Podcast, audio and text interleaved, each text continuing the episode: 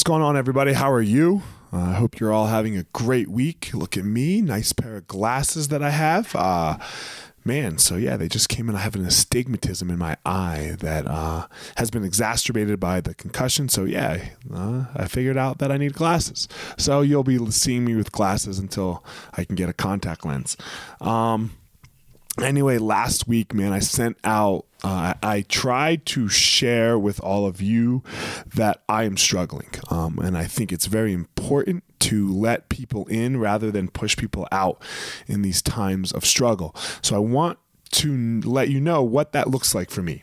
Um, what that looks like, and then what have I done this week to help myself get out um, a little bit. So I'm doing better, first of all. So thank you all very much for your support and everything, and letting me know that you are there for me. That that means uh, a lot. So thank you all very much.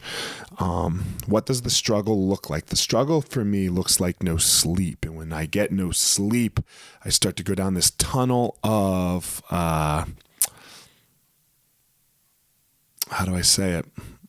Uh, I can walk myself to the point where I will kill myself. Right? I'm not suicidal. Like I'm. I don't. I'm not suicidal. Let me let me say this again. I'm not suicidal at all. But everyone has a point, right? Everyone has a point that they will walk to where you're like, yep, that's it. So when I don't sleep, I walk to that point in my mind a lot. Like, what will that point look like? It's very scary. It's very bad for me. So what do I do? What do I do? Uh, the first thing is I let people in. I have my crew. I have my people that I de- that I call. Um, and the way it worked one night um, is I called my friend Alex Huddleston. He was on the podcast. wasn't I was not doing okay, and what it looked like was him talking to me for a little bit, and then taking me through some breathing so that all I did now we're talking it's it's 1.30 in the fucking morning here. So um and I already took a sleeping pill and I'd been up for two and a half hours. Uh he took me through some breathing exercises. So to the point where I was just focused on the moment. I'm talking he asked me such simple questions. What do the sheets feel like? What's your blanket like? What's your pillow like? Okay take a breath. So that I was only in the present moment and I didn't have to worry about what it looked like when I walked myself all the way out to the years and months down the road of not being able to handle anymore. I just had to deal with right now. And then I was asleep.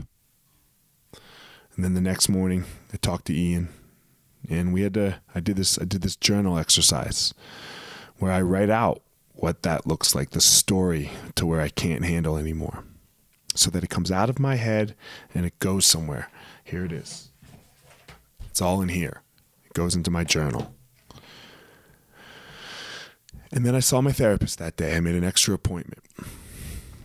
And she said, Look, she did the same very, thing. you know, we talked for an hour. She was like, I'm going to give you something. What I want you to tell yourself, if you can, if you can do it on your own, just say, I'm okay. I am okay. I am okay just because in the moment you are okay right? In the in the moment i am okay. I'm not worried about anything in this current moment. I am okay. So that night i talked to ian a little bit on the phone calmly. Told him i was going to just take some steps. I'm going to try to work on some things. If, I, if i'm not asleep in two hours i'll call you back. Again it was midnight maybe 12.30 11.30 so you know I ended up going down the hall to my kids' room, laying on a mattress on the floor in there. And then I just repeated, I am okay. I am okay. I am okay. And then the next thing I knew, it was 4 a.m. I was cold because I didn't have a good blanket. I walked down the hall, back to the bedroom down the hall, slept the rest of the night.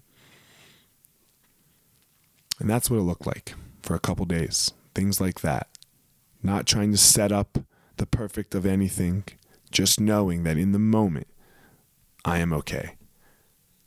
And I want you all to know that you are okay. That you are okay and you are enough. We all are. That's how we find our power.